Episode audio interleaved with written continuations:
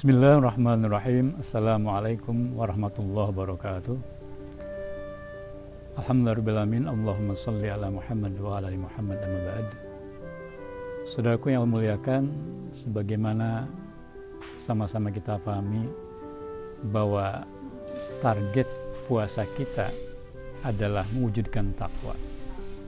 A'udzubillahi.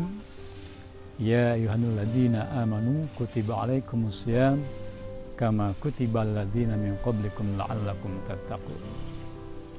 Dalam ayat ini jelas sekali bahwa Allah merintahkan puasa kepada kita. Sebagaimana Allah perintahkan puasa itu kepada umat-umat sebelum kita agar kita bertakwa kepada Allah Subhanahu wa taala. Persoalannya adalah apa itu takwa? Banyak sekali ulama mendefinisikan takwa. Secara umum takwa dikatakan sebagai imtithalu awamirillahi wajtinabun nawahi yakni menjalankan semua perintah Allah dan menjauhi atau meninggalkan semua larangannya tetapi pertanyaannya apa? Tanda takwa pada diri seorang terutama merupakan hasil dari puasanya.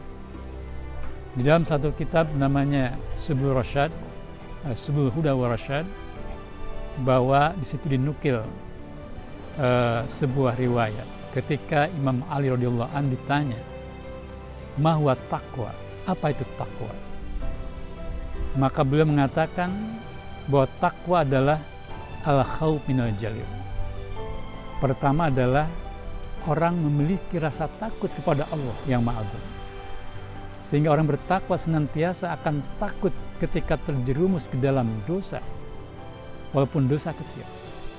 Maka ketika dalam diri seorang muslim ada kekhawatiran, ada rasa takut ketika terjerumus pada perbuatan dosa, perbuatan maksiat, maka berarti ada satu ciri takwa dalam dirinya.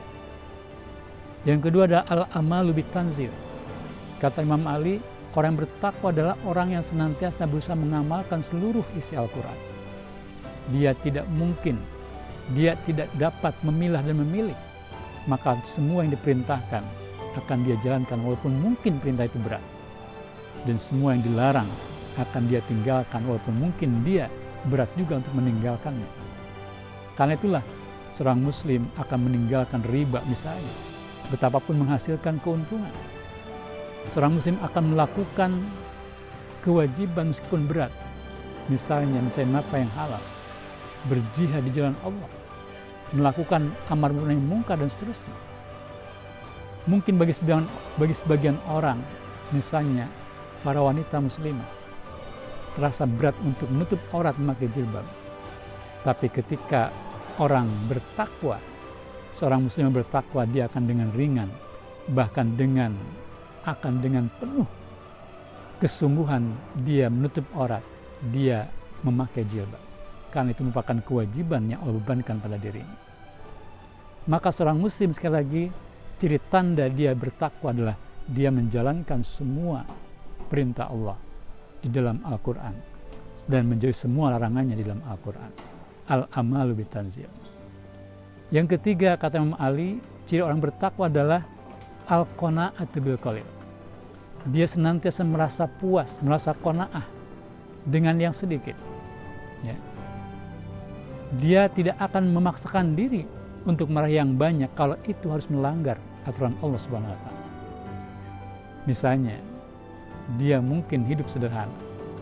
Dia tidak akan mungkin ketika ingin meningkatkan kekayaannya atau ingin menjadi orang kaya, dia kemudian menempuh cara terlibat dalam riba, terlibat dalam korupsi.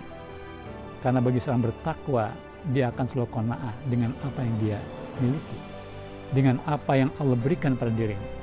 Al-qanaati bil Itulah ciri orang bertakwa. Dan yang terakhir adalah al-istidadu liyaumir. Orang bertakwa selalu mempersiapkan dirinya untuk menghadap Allah untuk menghadap ketika dia dihadapkan pada hari penggiringan, dikumpulkan di padang mahsyar ketika dia akan dihisab oleh Allah di akhir nanti. Maka orang bertakwa akan selalu bersungguh-sungguh melakukan banyak amal soleh. Dia akan banyak beramal ibadah. Dia akan terus mencari ilmu. Dia akan terus melakukan amal nahi mungkar. Dia akan terus berdakwah. Dia akan terus kemudian bersedekah dan lain-lain. Karena itu semua adalah dalam rangka mempersiapkan dirinya menghadap Allah Subhanahu wa taala. Keempat ciri itulah yang paling tidak harus ada pada diri seorang muslim, seorang muslim yang bertakwa pada Allah Subhanahu wa taala sebagai hasil dari puasa Ramadan yang dia lakukan.